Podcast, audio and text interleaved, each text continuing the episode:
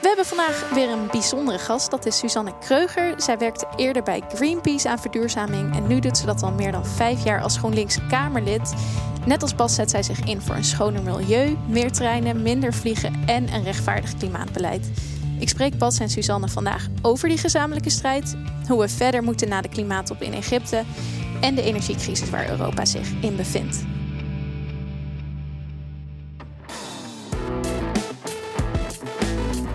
Welkom bij Bellen met Bas, de podcast over Europese politiek waarin we bijpraten met GroenLinks-Europarlementariër Bas Eickhout.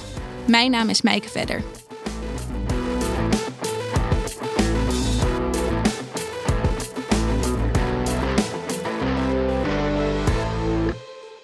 Hartelijk welkom, Suzanne. Je zit niet echt bij ons aan tafel in Brussel, maar uh, je bent er via Zoom bij. Maar hopelijk voelt het toch een beetje alsof je er wel echt, uh, echt bij bent. Het voelt net echt vanuit mijn werkkamer hier nou, in Den Haag. Top. um, ja, jullie werken eigenlijk al een paar jaar aan dezelfde onderwerpen. Hoe, hoe ziet die samenwerking er eigenlijk uit tussen Brussel en Den Haag? En ja, speelt Europa eigenlijk een rol in jouw werk? Ja, heel sterk. In deze periode doe ik vooral uh, klimaat en economische zaken. Vorige periode heel veel op treinen en luchtvaart. En dat zijn natuurlijk allemaal dossiers waarin juist heel veel afspraken Europees worden gemaakt. En eigenlijk heel veel van de grote politieke besluiten ook Europees worden gemaakt. En uh, ja, het is dan heel fijn eigenlijk om als Kamerlid uh, te kunnen schakelen de hele tijd met Bas. Die zag je bijvoorbeeld ook richting de klimaattop in Sharm el-Sheikh. Dat uh, nou ja, Bas een rol had als delegatieleider vanuit het Europees Parlement. En dat ik dus als GroenLinks-Kamerlid natuurlijk elke keer net wat meer wist. En net wat meer uh, de hele ja. tijd kon horen hoe en wat. Dus veel samenwerken, heel veel schakelen. Ja, fijn. Meteen dan over die klimaattop. We hebben het er in de vorige afleveringen ook al over gehad. En dat ging vooral ook over uh, Bas zijn rol vanuit het Europese parlement. Maar jij was er inderdaad ook. Um, nou, de afspraken die er zijn gemaakt zijn nogal teleurstellend. Um, hoe, hoe kijk je daar toch op terug? Heb je daar wel inspiratie op gedaan? Neem je dingen mee? Ja, Suzanne. Ik kreeg, uh, ik kreeg afgelopen week in de Kamer een heel veel interruptiedebat uh, met uh, Caroline van der Plas. Over hoe het toch kon dat ik was zo kritisch op de luchtvaart. Maar ik had wel het vliegtuig genomen ah, ja. naar Sharm el-Sheikh voor de klimaattop. En dat gaf mij ook wel de kans om uit te leggen het belang, juist vind ik, om ook als Kamerleden bij zo'n klimaattop aanwezig te zijn. Ik denk dat Um, die toppen zijn natuurlijk aan de ene kant de plek waar onderhandeld wordt. En ondertussen is het ook de plek waar een heleboel mensen vanuit de hele wereld die uh, elke dag bezig zijn om klimaatverandering te stoppen bij elkaar komen. En waar ideeën worden uitgewisseld. Waar uh, heel veel ja, je ook samen eigenlijk de inspiratie krijgt om daarna weer een heel jaar uh, te knallen. En ik denk dat het ook heel belangrijk is dat onze regeringsleiders die gaan naar zo'n klimaattop, die doen daar grote uitspraken. Hè? Rutte met zijn actie, actie, actie. Maar het is wel aan ons als Kamerleden, als, als volksvertegenwoordigers, om hem ook aan die woorden te houden en om hem eigenlijk daarna consequent uh, ja, te controleren in hoeverre ze het ook echt waarmaken. Dus voor mij was het een hele, ja, zeker inspirerend, ook bevreemdend vond ik het. Maar goed, dat zal jij ook waarschijnlijk gehad hebben, Bas. De, nou, de locatie van, uh, nou ja, toch in Egypte. Uh, klimaat, normaal is een klimaat op een plek waar civil society, waar NGO's zo'n ongelooflijk belangrijke rol spelen en ook zoveel ruimte innemen, letterlijk. En uh, hier in dit regime is het natuurlijk heel beperkt eigenlijk wat, wat NGO's konden doen. Hoeveel er kon qua demonstraties, qua acties. Uh, de rol van Egyptische NGO's was heel erg beperkt ja. uh, vanwege alle mensenrechten schendingen. Dus dat vond ik bevreemdend. En het andere is, is uh, de hele sterke aanwezigheid van de fossiele industrie. Want waar merkte je dat aan? Gewoon echt mensen, de lobbyisten die daar rondliepen? Nou ja, als je gewoon, je loopt dan door een soort hallen. Het is zo, die klimaattop is eigenlijk, het zijn een soort hele grote hallen. En in een deel zijn afgesloten waarin onderhandelingen plaatsvinden waar je niet bij niet iedereen bij kan zijn. En een deel is dan openbaar met een soort paviljoens. En waar allemaal initiatieven en landen zich presenteren. En dan, ja, dan loop je ook langs de paviljoens van Saoedi-Arabië en Qatar. En een heleboel uh, uh, staten die gewoon nog volledig inzetten op een fossiele toekomst. En dat vond ik wel. Ja, het is gewoon heel, heel schizofreen dat aan de ene kant heel hard gezegd wordt: anderhalve graden, cruciaal, daar gaan we voor. En ondertussen hoor je in het ene panel na het andere gewoon allerlei fossiele opties weer de revue passeren. Ja, heb je toch wel mensen ook kunnen spreken waar je wel hoop uit put en dacht, ja, nu, nu kunnen we samen vooruit? Ja, zeker. Ik uh, vond. Uh, ik was één dag bij de Interparlementaire Unie. Dus dat zijn eigenlijk allemaal uh, parlementariërs, volksvertegenwoordigers uit de hele wereld die samenkomen. Uh, en daar ook heel veel mensen uit verschillende Afrikaanse landen gesproken. Ja. En weet je, hun strijd voor klimaatrechtvaardigheid, voor dat hele loss and damage fund, voor het feit dat we niet nu weer opnieuw heel groot fossiel gaan winnen in allemaal landen, maar juist eigenlijk in één keer de stap nemen naar duurzame energie en daar de investeringen in doen. Um, ja, daar heb ik wel een aantal hele inspirerende mensen ontmoet. En dan zie je ook wel dat, dat uh, die strijd is, is nu gaande. Want er worden nu de contracten afgesloten om toch weer enorme fossiele projecten daar te starten. Terwijl er mensen zeggen, ja, geef ons nou juist de kans om duurzame energie op te bouwen en investeer daarin. In plaats van dat wij weer uh, nou ja, het gas en de olie moeten gaan winnen voor de export. En je zei net ook al van, je bent daar ook uh, een beetje om, om uh, nou ja, Rutte en zijn actie, actie, actieverhalen te controleren. uh, hoe, hoe ging dat dit jaar? Ben je nu extra gedreven om inderdaad het Nederlands klimaatbeleid te controleren nu je terugkomt? Of denk je, oké, okay, ik heb daar ook echt hele goede dingen gehoord over wat Nederland, hoe zij zich willen in gaan zetten het komende jaar? Nou, dat is elke keer het dubbele. Kijk, ja. uh, laten we wel wezen, Europa speelt natuurlijk een rol in die klimaattoppen uh, van toch ook een leiderschapsrol, omdat de doelstellingen hoog zijn en omdat er een hele hoop gebeurt. En Nederland speelt daar ook weer, uh, hè, is daar in ieder geval op zo'n top heel vocaal over. Uh, en, en dat is ook positief. Ik denk dat in de klimaatdiplomatie internationaal is het feit dat Nederland een coalitieakkoord heeft waarin wij zeggen 60% CO2-reductie in 2030. Dat heeft een bepaalde ja, gewicht of dat heeft een bepaald belang. Alleen is het dan zo ontzettend schrijnend dat je de week erop een debat hebt met de minister over de doorrekeningen van dat coalitieakkoord en van de plannen die er nu liggen, waar blijkt dat het bij lange, lange, lange na niet gehaald wordt. Echt, uh, het gat is ongelooflijk groot. Ja, dus ze op dat internationale hele... toneel zijn ze wel geloofwaardig eigenlijk met uh, die, nou ja, die doelen, terwijl dat, ze dat, dat niet halen eigenlijk zijn. En, en dat doet natuurlijk ook afbreuk aan hoe geloofwaardig je bent op het moment dat je uh, nou ja, een hele grote mond hebt over. Uh, Rutte ging eigenlijk bij wijze van spreken de rest van de wereld de les lezen over dat iedereen toch meer moest doen aan klimaatverandering.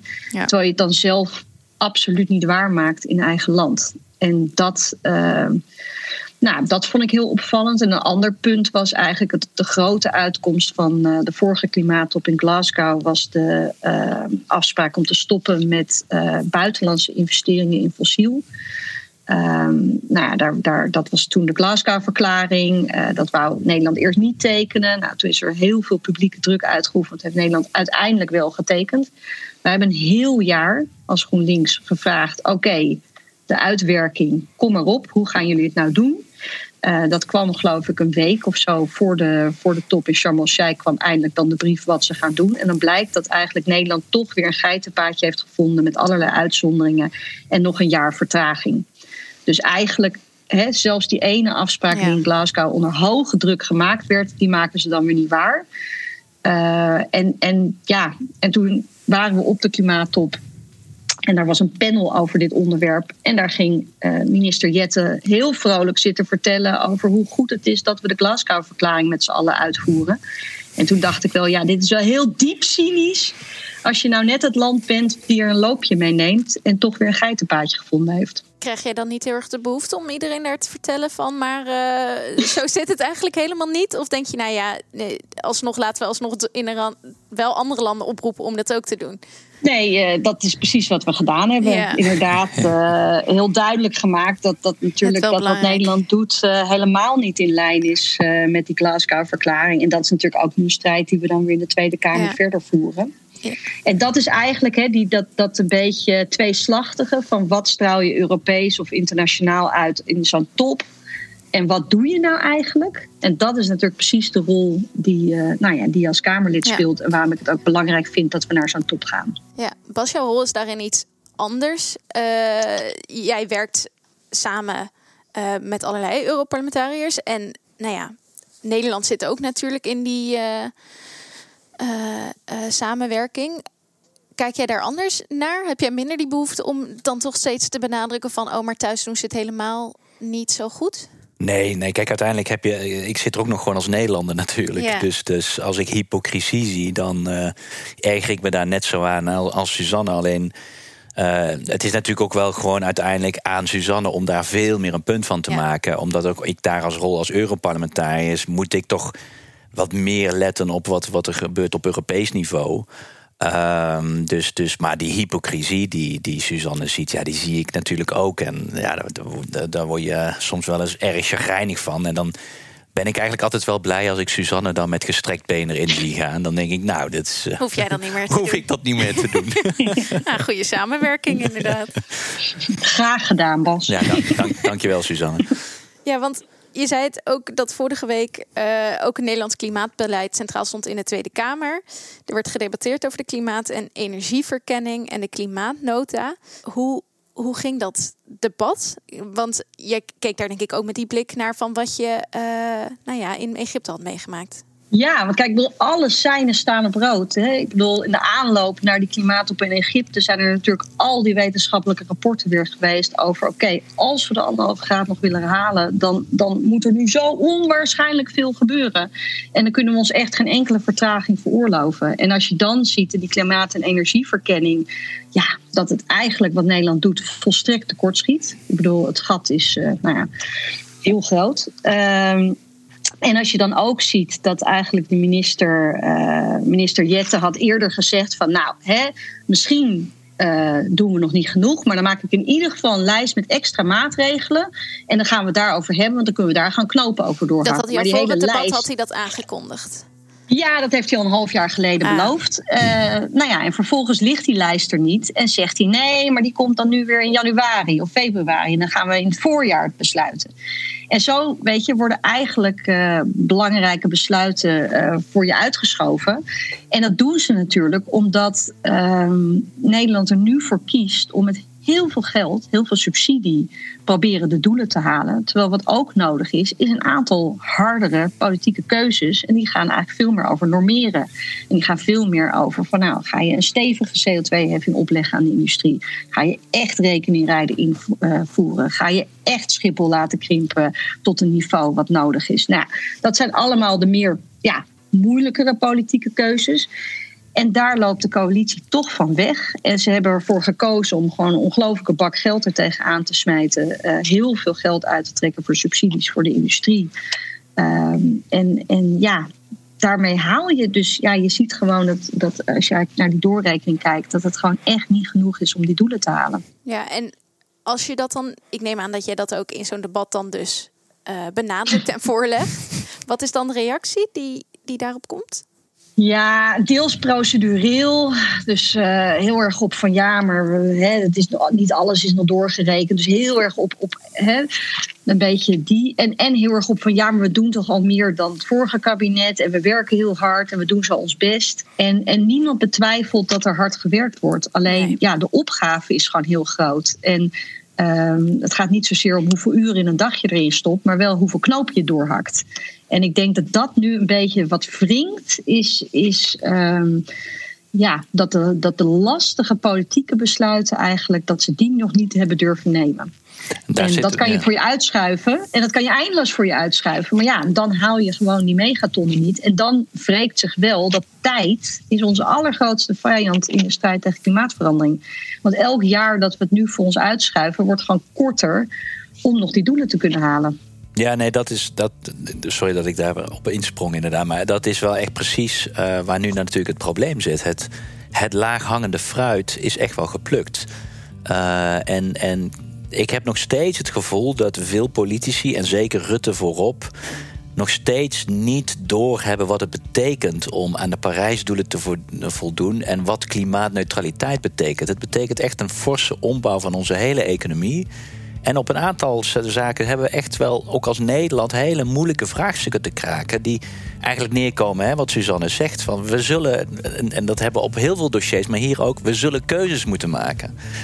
En dat, dat lukt maar politiek niet. En dan blijft het maar een beetje uitstellen. Ja, en als dan tegelijkertijd Rutte dan in Sharm el-Sheikh gaat zeggen... nou, dit moet de top van de klimaatimplementatie zijn... Ja, dan, nou ja, dan komen we weer terug bij die hypocrisie. Dat je denkt, ja, maar doe dat dan eens eerst thuis. En, en niet meer inderdaad met leukigheidjes. Dit, dit zijn fundamentele... te veel business as usual en klimaat proberen we daarin te fietsen. Maar er zijn echt fundamentele veranderingen nodig waar... De moeilijke besluiten worden, worden gewoon niet genomen. Uh, en inderdaad, een heel, heel makkelijk voorbeeld is rekening rijden. Hoe lang loopt dat debat al niet in Nederland? Dus al sinds de jaren tachtig weten we eigenlijk dat we rekeningrijden moeten gaan invoeren. Dat is dé manier om aan onze transport, hè, dat is nog steeds een hele grote uitstoot in Nederland. Uh, daar gaan we echt niet de doelen halen als we zo doorgaan. En we blijven het maar uitschuiven. Vooruitschuiven, vooruitschuiven. En dan in Sharm el-Sheikh zeggen: jongens, we moeten actie. Ja, weet je, dan, dan, dan. Nou ja, dit voedt wel cynisme. Dat, dat, uh, daar heb ik wel echt problemen mee. Ja, en als we dan vooruitkijken naar, naar volgend jaar, COP28 is in Dubai. Ja, uh, jij, mooie plek. Ja, ook, ook al leuk. Uh, jij noemde vorige week dat het juist dit jaar dus cruciaal is om voorbereidingen daarvoor te treffen, bondgenootschappen te sluiten. Uh, wat denk jij dat daarvan de rol ook van nationale parlementen is? Want je ziet wel steeds meer groene in regeringen ook in Europa. Ja. Denk je dat daar mogelijkheden liggen? Nou ja, dat denk ik wel echt. Ik bedoel, uh, wat toch gewoon interessant is, uh, parlementen, zowel Europees parlement als nationale parlementen, dat, dat, die kunnen vrij makkelijk contacten leggen met, met uh, toch allerlei partners in de wereld. Ik, ik, hè, toen we dit gesprek de vorige keer hadden, heb ik ook Brazilië genoemd als een land dat echt wel een. Nou, er gaat een nieuwe regering komen. Uh, een stuk betere. Uh, maar die zit natuurlijk wel in een soort internationale samenwerking met China, India, Rusland. Nou, dat is niet een hele lekkere setting. Dus, dus een land, je kan echt op je vingers natellen dat een land als Brazilië een hele belangrijke speler gaat worden. Alleen al direct om hun effecten op uh, om, het tegengaan van ontbossing. Nou ja, dat, dat, daarvan heb je wel van. Daar kan, kan denk ik echt wel ook, ook een Tweede Kamer gaan nadenken over: hé, hey, wat, wat willen wij in onze relatie met Brazilië, met het parlement daar? Uh, daar zijn wel mogelijkheden voor. En, en dat, dat zijn denk ik wel discussies die we nu moeten gaan voeren om gewoon in Dubai.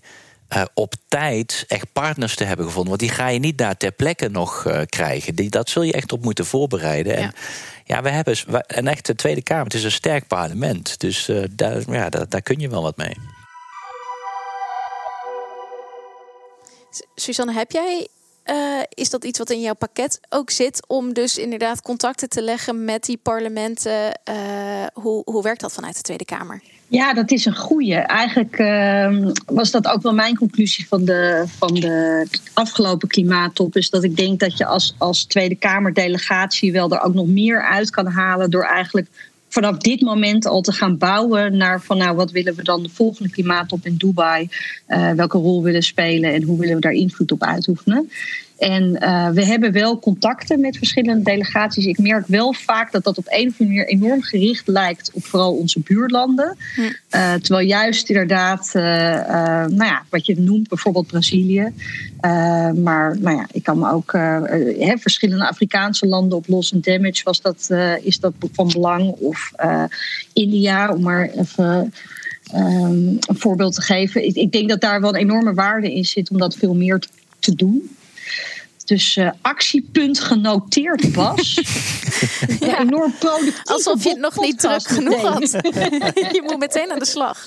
Wat heb jij verder, wat, wat nu de komende maanden op de agenda staat in Den Haag? Jij zei al van, nou, die afspraken met de industrie moeten uh, worden gemaakt. Er moeten hele harde keuzes ook gemaakt worden. Wat, wat kan jij daar als Tweede Kamer in doen? Zie jij kansen die nu wel liggen? Ja, ik denk dat het uh, uh, gewoon een super spannende tijd is, eigenlijk in de hele energiecrisis. Uh, hoe we gaan zorgen uh, dat juist het feit dat nu deze crisis er is, dat het eigenlijk een versnelling betekent van verduurzaming. Dus ook van de verduurzaming van de industrie. Sneller af uh, van, van alle fossiele grondstoffen. Sneller elektrificeren en over op groene waterstof en de stap van blauwe waterstof, uh, hè, waar je gas voor nodig hebt, overslaan.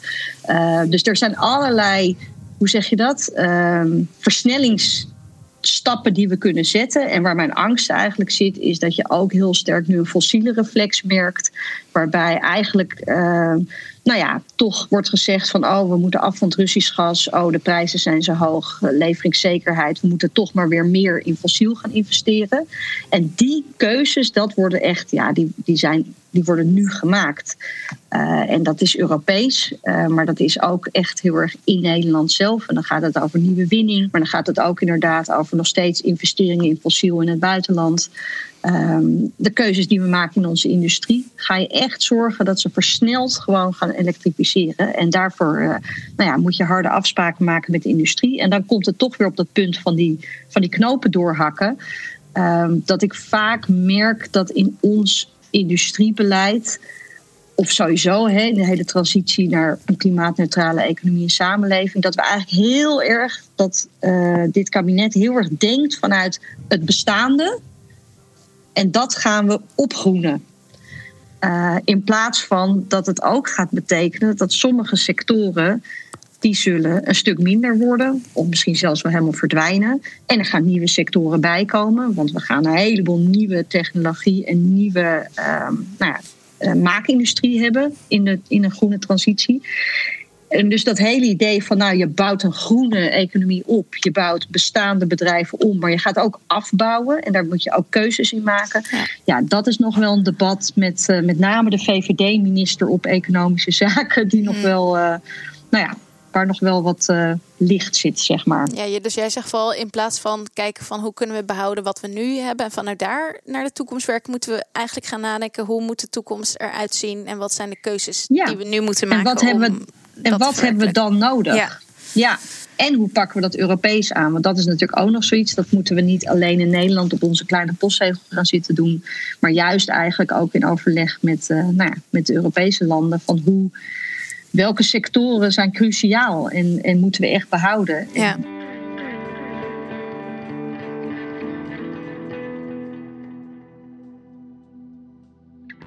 Ja, volgens mij is dat meteen een goed linkje naar het andere onderwerp waar ik het over wil hebben. Ook de energiecrisis die nu in Europa speelt.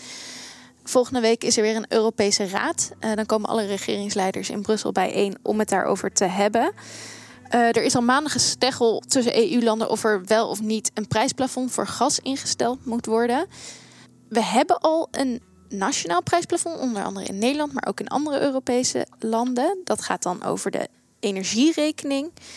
Uh, we hebben al andere maatregelen, waaronder dat producenten een deel van hun winst af moeten staan als dat boven een bepaald niveau komt. Bas, kan jij vertellen wat, wat er nu nog aan mogelijkheden op tafel ligt en wat dat moet toevoegen aan wat er al is gebeurd. Want mensen zien misschien tussen de bomen en het bossen niet meer helemaal. Nee, dat klopt. Dat kan ik me wel voorstellen van al die plafonds die overal nu besproken worden. Uh, kijk, waar uiteindelijk natuurlijk nog steeds de discussie over gaat, is dat de huidige energieprijzen gewoon veel te hoog zijn. Ja. Nog steeds. Uh, en en uh, daar hebben we met z'n allen in Europa een groot probleem waar een beetje de debat op Europees niveau vandaan komt, is kijk, een land als Nederland, hè, hoe wordt daarnaar gekeken vanuit een Europese context? Is van ja, Nederland kan dat zichzelf wel veroorloven. Hij wordt toch gezien als een rijk land, dus die kan wel even de portemonnee trekken. Overigens, nou, dat weet Suzanne beter dan ik. Uh, hè, dat, dat is, de implementatie van dat plafond is nog een hele discussie. Maar het is niet zozeer een discussie over hebben we het geld wel of niet. Dat is natuurlijk van een aantal andere Europese landen een hele andere discussie van hebben wij dat geld wel. Om huishoudens te compenseren ja, voor die enorme. Om die portemonnee te trekken, om ja. de burgers te compenseren. Ja. Nou ja, dan, uh, dan, dan is er dus eigenlijk de roep vanuit die landen van zouden wij niet als Europa bij onze inkopen moeten wij daarvoor niet eigenlijk een, een uh, plafond gaan instellen. Ja, dus niet dat je achteraf gaat compenseren, maar dat je al zegt van die prijs van de energie mag überhaupt niet. Puur bij zo de inkoop. Worden. Ja. ja. bij de inkoop gewoon uh, van het gas. Want we hebben vrij weinig zelfgas. Uh, dus dat, dat wordt allemaal geïmporteerd. Ja. Nou, waarom ga je niet als Europa een plafond bij je, bij je import uh, doen? Wat ergens natuurlijk een logische is. Hè? Dat, uh, die gedachte is op zich niet vreemd. Alleen, en daar komt dan de discussie vandaan. En ik denk dat je daar ook wel weer het grote onderscheid zit, ziet tussen Noord- en Zuid-Europa. Is dat Noord-Europa uh, toch nog wel echt afhankelijk is van die, van die gasimporten. En, uh, en dus daarmee ook zoiets heeft van ja, wacht even, als wij een plafond gaan afspreken gaat dan uiteindelijk het gas wel naar ons toe? Gaat het niet op een gegeven moment naar andere delen in de wereld? Want er is gewoon een wereldwijde. Die meer geld bieden. Ja, een wereldwijde run voor gas is er gaande. Dus, dus ben je niet op een gegeven moment gewoon je aantrekkelijkheid als afzetmarkt aan het uh, weggooien. Terwijl in Zuid-Europa uh, hebben ze eigenlijk bijvoorbeeld een land als Spanje heeft nog heel veel LNG-terminals. Dat zijn die uh, vloeibaar, vloeibaar, gas. gas ja. uh, die, kunnen, die zouden eigenlijk nog wel een hoop willen kunnen binnenhalen. En ja, die hebben het gevoel dat zo'n prijsplafond hen ook weer wat helpt in de concurrentie met Duitsland. Die natuurlijk veel meer de portemonnee kan trekken dan, dan Spanje. Dus die vindt dat zo'n prijsplafond ook wat kan helpen, zodat zij ook wat weer wat makkelijker LNG kunnen binnenhalen en dat het niet naar Noord-Europa gaat. Dus er zit ook echt wel weer een, zoals altijd in Europa, een hele Noord-Zuid-strijd achter. Um, en ja, weet je, ik snap deze hele discussie, maar het niveau waar we het nu over hebben. Ja, dat, dat begint wel hele absurde uh, niveaus te bereiken. Dat bijvoorbeeld de commissie met een voorstel kwam dat, nou ja, dat gasplafond lag zo hoog dat eigenlijk in de hele afgelopen periode dat plafond nooit geraakt zou kunnen worden. Ja, dan, dan heb je een plafond dat niks doet. Nou ja, dat, uh, ik, en dan dat, dat Duitsland zoiets had dus- van... nou, wij zijn eigenlijk ook niet zo blij, want het is nog steeds een plafond. En Zuid-Europa zegt, ja, wat is dit een plafond? Dit doet helemaal niks. Ja want die prijs werd op zo'n niveau ingesteld, het, dat voorstel van de commissie, van als het, als het echt zo hoog wordt, dan kunnen we inderdaad gaan zeggen van uh, dan, dan kopen we het niet meer. Ja. Maar dat, was, dat niveau was zo hoog dat dat eigenlijk een onrealistisch scenario ja, was. Eh, nou, het was ook, het, het, het, ook soms het amateurisme van de Europese Commissie, met alle respect natuurlijk. Maar toch, als jij met een voorstel komt, is natuurlijk de eerste vraag van een journalist. Nou, die hele afgelopen periode zou dan dat plafond zeg maar geraakt zijn. Ja. En daar, daar, daar, gaf ze geen antwoord op, de energiecommissaris. Uh, uh, die gaf daar geen antwoord op. En later was dus het antwoord: uh, nee. Dat, hè, dan kreeg je dat dan via de ambtenaren, wordt het dan gegeven later. En is het antwoord nee. Dat wordt dus eigenlijk, dat zou in deze hele periode zou je niet tegen dat plafond zijn aangelopen. Hmm. Ja, dat was natuurlijk, dat is toch vraag één die je kan verwachten. En daar hadden ze zich niet op voorbereid. Ja, weet je, dan, dan, dan heb je ook soms het gevoel van volgens mij wil de commissie wil ze ook geen deal. Nee. Nee, want dat werd ook inderdaad gezegd dat het uh, ja, eigenlijk een grap was hoe laag uh, of hoe, hoe nou ja, hoog dat uh, plafond dan, dan was. op de vorige energieraad, waar, dus waar de energieministers bijeenkwamen, werden ze het ook dus niet eens hierover. Nee. het ligt nu weer op tafel in combinatie ook met het gezamenlijk inkopen ja. van gas. Ben jij daar een voorstander van? Ja, nou ja, kijk, dit is dus volgens mij waar het nu misgaat. Dit plafond begint een ongelooflijk uh, politiek gevechtspunt te worden.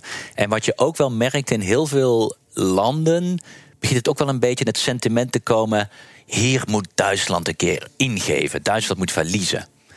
Uh, Want waarom? Nou ja, Duitsland, Duitsland heeft toch al wel een beetje een langere historie ondertussen. Dat ze wel redelijk dominant in Europa zijn. We gaan terug naar de eurocrisis. Dat komt allemaal terug. Hè? Dat, dat, dat soort sentimenten dat, dat Europa al best wel lang op economisch vlak de andere landen de les aan het leren is.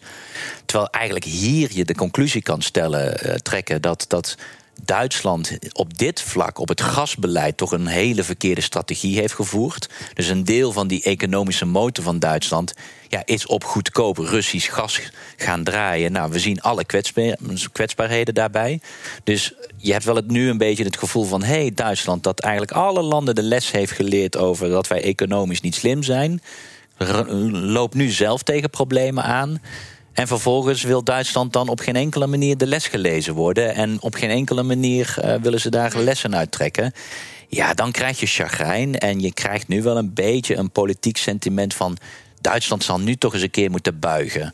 Uh, en wordt een beetje het prijsplafond een, een ja, een, een, een symbool voor gaat Duitsland een keer wel nu luisteren naar Zuid-Europa. je zegt die hele strijd gaat al lang niet meer puur over de inhoud. Eigenlijk niet, want bijvoorbeeld die andere voorstellen die er liggen, kijk, hoe dan ook, hoe ga je op een beste manier natuurlijk die prijsstijgingen, als je het hebt over importen, hoe gaan we die een beetje temperen?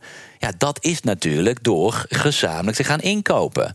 Want dan zijn we niet meer met elkaar aan het beconcurreren. Wat nu heel veel gebeurt. Afgelopen periode. Nationaal landen gewoon elkaar overbieden eigenlijk. Wij hebben natuurlijk de opdracht gekregen: we moeten onze gasvoorraden gaan vullen. Uh, en heel veel van die EU-landen hebben dat tegen elkaar zitten opbieden om maar hun gasvoorraad, ook Nederland, hun gasvoorraad uh, te vullen. Ja. Nou, de landen die dat het beste konden, tada, Duitsland, Nederland, die kunnen die portemonnee trekken prijs gaat omhoog. Nederland en Duitsland die weten hun gasvoorraden gevuld te worden. Weigeren nu een, uh, gas, een, eigenlijk een prijsplafond. En dan daarbovenop, toen eenmaal de voorraden vol waren, zeiden Duitsland en Nederland: hé, hey, misschien moeten we wel gezamenlijk gaan gas inkopen. Ja, weet je, als je, Als je, als je jezelf populair wil maken, moet je vooral zo doorgaan. Suzanne, hoe wordt er vanuit de Tweede Kamer uh, naar deze maatregelen gekeken en de opstelling van uh, nou ja, Rob Nederland, Duitsland daarin ook? Ja, een aantal dingen is dat je merkt dat eigenlijk juist alle dingen, hoe zeg je dat, die, uh, waar je volle kracht mee vooruit zou willen. Uh, bijvoorbeeld echt energiebesparing, een hard doel en dat gewoon wettelijk vastgelegd voor alle landen. versnelling van de uitrol duurzame energie. Uh, meer toezicht en ordening in die gasmarkt. En dus eigenlijk, hè, wij hebben als Nederland de meest geliberaliseerde gasmarkt mogelijk ongeveer. Uh, en elektriciteitsmarkt. Dat dat allemaal dingen zijn wat toch moeizaam gaat. En dan nu zo'n prijsplafond. Hè, ja, wat Bas schetst, dat is een heel politiek ding geworden. Waarin Nederland nu ook heel hard stelling neemt. En echt zegt van nou, we willen het absoluut niet. Uh, en dat lijkt ook wel heel erg vooral ingegeven door ja, een angst om eigenlijk in die markt te treden. Dus dan wordt die hele markt ook weer eigenlijk een soort uh, heilig huisje. Uh, terwijl ik denk dat we er ook niet aan ontkomen om toch lessen uit deze crisis te trekken en echt gewoon wel in die markt te gaan ingrijpen. We hadden vandaag een technische briefing hier in de Kamer over, over, nou, over de gasmarkt. een aantal nou, sprekers. Uh, en, en als je dan zo even doorvraagt, dan blijkt bijvoorbeeld dat eigenlijk dat toezicht, dus gewoon hè, die gasmarkt, dat is eigenlijk net zoals de financiële markt, gewoon een soort spot commodity markt, waar gewoon heel veel op gehandeld en gespeculeerd wordt en ongelooflijk weinig toezicht op is. Dus we zitten nu heel veel publiek geld te stoppen in uh, nou, bijvoorbeeld het vullen van die gasvoorraden of het aanleggen van nieuwe infrastructuur. Of uh, nou, zoals in Nederland het prijsplafond. Terwijl we eigenlijk gewoon het publieke toezicht met z'n allen op hoe die gasmarkt functioneert, gewoon niet goed geregeld hebben. En dat, dat wringt heel erg. En ik denk dat dat uh, ja, wel, wel een, een, hoe zeg je dat, langer lopende discussie gaat worden, ook in de Nederlandse politiek. Van we hebben een helemaal doorgeslagen geliberaliseerde markt. En hoe gaan we daar nou ja, grip weer op krijgen, regels aanstellen, uh, controle over krijgen. En niet alleen nationaal, maar ook Europees. Uh, want het feit dat we nu die prijsschokken zien door, door de inval in Oekraïne. Uh, ik denk dat in de hele energietransitie zal gepaard gaan met prijsschokken, want dat is wat een transitie doet. En dat kan je maar beter nu beginnen om, om die markt robuuster te gaan, gaan inregelen gaan vormgeven. Ja, want dat, dat grip... En ik merk dus, voor mij is zeg maar het verzet van Nederland tegen dat prijsplafond... is vooral een symbool voor hoe ongelooflijk, uh, hoe zeg je dat? Weer dat vasthouden? Nederland is. Nou ja, en wars Nederland is voor elke actie die ingrijpt op de markt. Nog even los van of deze ingreep nou de beste is. Ja, want wat zou dat extra grip op de markt uh, moeten opleveren voor de, uh, het gemiddelde huishouden, zeg maar de gemiddelde Europeaan nu? Nou ja, daarom hebben wij bijvoorbeeld, uh, maar volgens mij ook in Europa, ons heel hard ingezet op dat afromen van overwinsten. Omdat je toch ziet dat uh, ja, er zijn een aantal uh, grote fossiele spelers en commodity traders. Dus dat zijn ja, eigenlijk een soort hele grote bedrijven die gewoon rijk worden van doorhandel, doorverhandel en nog een keer doorhandel. Die spelers worden nu gigantisch rijk. En dat gaat wel ten koste van uh, ja, Europese huishoudens. Ja. Dus je wil echt die overwinsten belasten. Maar je wil ook, vind ik, in de toekomst. Energie is een basisbehoefte. En uh, het zal nog een tijd duren voordat die helemaal duurzaam is. En uh, we moeten gewoon zorgen dat dat betaalbaar blijft. Ehm, en ook ehm, dat die omslag naar duurzame energie juist vaart krijgt. Want ja. dat zal alleen maar de betaalbaarheid ten goede komen. Ja, Pas die, is die discussie hier al losgebarsten over die meer fundamentele hervorming van de markt? Want ik neem aan dat waar het nu volgende week bij de Europese top over gaat, dat dat ook weer tijdelijke instrumenten zijn. Toch dat gezamenlijk inkopen en een prijsplafond? Of zou dat ook echt over ja, volgende jaren mogelijk ook gaan? Nou, kijk, uh, een aantal van die maatregelen het wordt bijna allemaal als noodmaatregelen besproken. Terwijl natuurlijk eigenlijk het gezamenlijk inkopen van gas zou geen noodmaatregel moeten zijn. Dat is eigenlijk gewoon. Jij zegt dat zouden we überhaupt moeten doen. Uh, dat, ja, dit, dit is eigenlijk gewoon normaal. Europees gedrag zou dit moeten zijn. Uh, omdat wij samen afhankelijk zijn van die, van die energiemarkt. Dus, ja. dus laten we dat nou gezamenlijk doen in plaats van tegen elkaar uitspelen. Dus, dus dat zou niet een tijdelijke maatregel moeten zijn, maar dat is wel inderdaad hoe, hier, hierover gesproken wordt. Uh, dat prijsplafond is natuurlijk per definitie wel een tijdelijke maatregel. Uh, uh, en, en wat Suzanne zegt, wat hierna moet gaan komen, en is ook wel beloofd door de Europese Commissie, is eigenlijk in het voorjaar, als we een beetje deze winter hebben gehad, uh, het is gewoon een spannende winter nu. Dus, dus ik snap ook wel dat je nu niet over hele wilde hervormingen gaat praten in een markt die heel erg krap is en gespannen. Dus nou, je hoeft maar het kleinste ding te doen en het, en het explodeert weer. Um, um, dus, maar de commissie heeft wel beloofd meer met een herziening van de energiemarkt te komen. En dan komen vraagstukken als het scheiden van gas en elektra uh, komen dan echt wel op tafel te leggen. Maar ook terecht, wat Suzanne zegt, daar zal ook wel veel fundamenteler over, over nou, energie als basisbehoefte. Wat wordt nou de rol van de markt? Wat is nou de publieke verantwoordelijkheid? We weten allemaal dat energie uiteindelijk ook een geopolitiek wapen is. Dus alleen maar dat aan de markt overlaten is ook nog eens gewoon politiek naïef als we dat zouden doen. En hier heeft Europa natuurlijk een beetje hetzelfde probleem als Nederland. Is dat de, de, Europese Commissie is natuurlijk ingesteld als hoeder van de interne markt. En nu gaan we wel debatten krijgen over, ja, moet er nog niet iets naast de interne markt, maar eigenlijk ook een gezamenlijk politiek antwoord. Ja. Nou, dan Nederland vindt dat helemaal eng. Hè? Dat is A over de markt, vraagtekens. En B, dan ook nog eens politieke coördinatie op Europees niveau. Nou, dat is uh, twee fronten gaan, wordt Den Haag zenuwachtig. Hier in Brussel wordt men niet zozeer zenuwachtig op een, een Europees antwoord.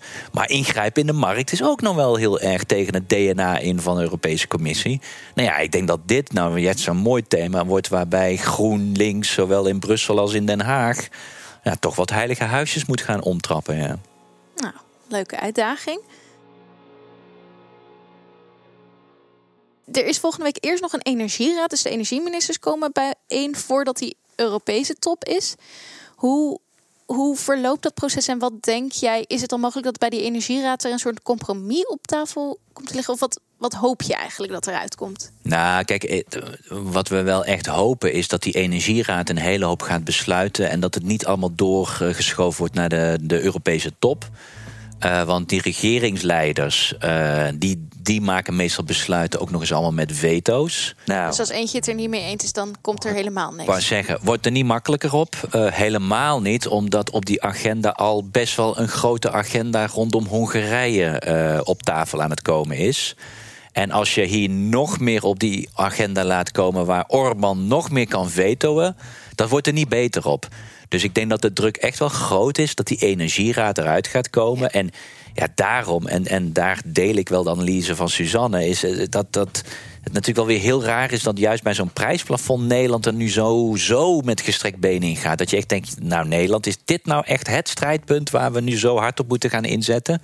Ik had Nederland wel eens wat vaker op andere punten zo graag fel willen zien. Uh, uh, omdat ik dus denk dat er zal een compromis moeten komen wat nou, Zuid-Europa moet thuis kunnen komen met... Uh, we hebben een plafond... Nou, laat Nederland en Duitsland dan thuiskomen. Ja, het is een plafond, maar die gaat niet zoveel doen.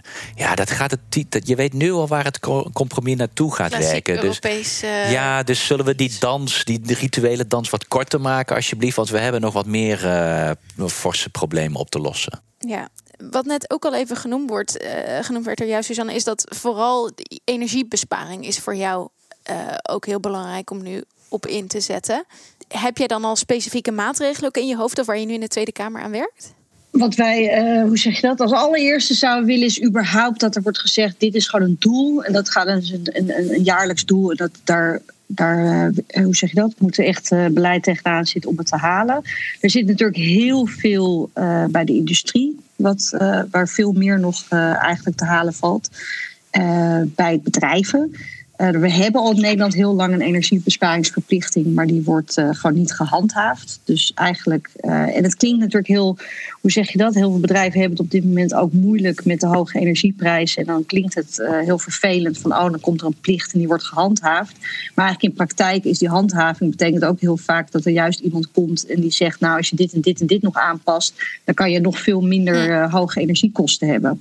Dus het is bijna ook een, een service naar bedrijven in die zin. Uh, maar ik denk ook vooral in de gebouwde omgeving. Uh, je merkt gewoon, energiebesparing is zo lang geen politieke prioriteit geweest. Het is zo lang eigenlijk iets geweest van. Ja, we hadden heel veel goedkoop uh, Gronings en daarna Russisch gas. Dus waarom zou je inzetten op energiebesparing? Zo voelt het echt. Zou je gaan doen was gewoon niet zo nodig. Nee, was absoluut op geen enkele manier uh, een, een, politieke prioriteit van alle diverse uh, bewindspersonen die klimaat en energie onder hun hoede hadden. En nu is dat het wel. Zie je gaat langzaam eigenlijk die blik open. Dus alle dingen waar wij al heel lang uh, aandacht voor hebben gevraagd, merk je dat daar nu wel wat ruimte voor is. Alleen nu gaat het dan heel snel op heel veel praktische bezwaren. Dus ja, voordat we al die huizen geïsoleerd hebben. Dus ik was laatst bij een presentatie van TNO. Die zeiden van nou ja, je kan heel goed op kaarten aanwijzen. Wat zijn nou de wijken waar gewoon de huizen staan. Die onder de meest hè, slechtste omstandigheden, met de slechtste, waar de mensen met de meeste energiearmoede eigenlijk wonen. Zorg nou dat je die wijken als allereerste aanpakt met echt bijna ja, een soort oorlogsaanpak van echt wijk voor wijk gewoon zorgen dat je in ieder geval het laaghangend fruit qua energiebesparing uh, haalt. Uh, want er is echt een wereld te winnen. En je merkt wel ja, de vergelijking wel eens met corona. Dat ik denk van ja, toen hebben we toch in no time al die teststraten en al die vaccinatiestraten dus de grond uitgestampt. Uh, waar iedereen zich kon laten testen. En zo'nzelfde soort mindset over energiebesparing, uh, ja, die mist helemaal. Ik zag net weer een bericht voorbij komen dat uh, ik geloof 40% nee 60% van de winkels gewoon nog de deur open oh, ja. heeft. terwijl het koud is. En ja, het is, wel laaghangend fruit, in... zou je zeggen. Inderdaad, de crisis wordt blijkbaar nog niet op zo'n manier gevoeld dat we die dingen gewoon al doen. Nee, nee, nee. En dat is ook wel, vind ik, in wat het kabinet zelf daarin uitstraalt. Hè? Gewoon zorgen dat ook alle overheidsgebouwen uh, gewoon de lichten uit s'avonds. Best ja, wel basis, hè? Moeite. Ja, het zijn zulke kleine dingen dat ik bijna het idioot vind om ze te moeten ja. noemen. En dat, uh, maar goed. Dat, Blijkbaar dat is het wel. Uh, ja, en Nederland heeft, ja. ja. Nederland heeft in Europa echt altijd energiebesparingsbeleid. Hè, dat, dat, dat is altijd ondermijnd. ja, wij hebben, dat is een onderdeel van het hele klimaatpakket. Ja? En welk doel heeft Nederland altijd zich tegen verzet dat dat bindend zou worden? besparingsdoelen. Dat was Nederland altijd tegen bindende doelen. En daar zijn we nu ook in Brussel. Is Nederland wat aan het schuiven? Maar dit is al een discussie van 15 jaar lang. En Nederland heeft op alle fronten ook huizenlabels, weet je, om gewoon aan consumenten duidelijk te maken: dit is het label van je huis. En dan gaat eigenlijk het energielabel een onderdeel worden van, van je reden om een huis wel of niet te kopen. Waar was Nederland tegen? Allemaal besparing. Wat, wat, wat ja, dat, waren de, dat waren dan weer vooral was dat de Vereniging van Huiseigenaren die vond dat dat de woonmarkt zou gaan verstoren. Hm. Ja, weer weet die markt. Je. Ja, weer die markt. En nou ja, de heilige huisjes van Nederland, uh, we hebben er nog vele. Die zijn allemaal één voor één aan het sneuvelen. Maar dan de stap naar waar Suzanne het over heeft, dan ook echt voortvarend vooraan lopen. Daar zijn we nog niet. Nee, maar daar gaan jullie heel hard voor inzetten de komende tijd, denk ik. Zeker. Oké. Zeker. Nou, dan gaat het helemaal goed komen. Onze tijd zit er uh, namelijk ook alweer op. Heel erg bedankt, Suzanne, dat je je licht uh, wou laten schijnen even op Brussel vanuit Den Haag. Dat is voor ons ook heel uh, erg leuk. Ja. Interessant Dank om jullie. die blik eens te horen. En uh, we spreken je denk ik heel snel weer. Het is altijd een plezier Yes. met Suzanne. Ja, leuk. Dankjewel. Dag. Doei doei. Dit was Bellen met Bas, een podcast van GroenLinks Europa en de Groenen in het Europees Parlement. We horen graag van je. Laat je reactie achter op vriendvandeshow.nl slash bellen met Bas en meld je aan voor onze Europa-update op europa.groenlinks.nl. De audiovormgeving is door Studio Cloak. Tot een volgende keer!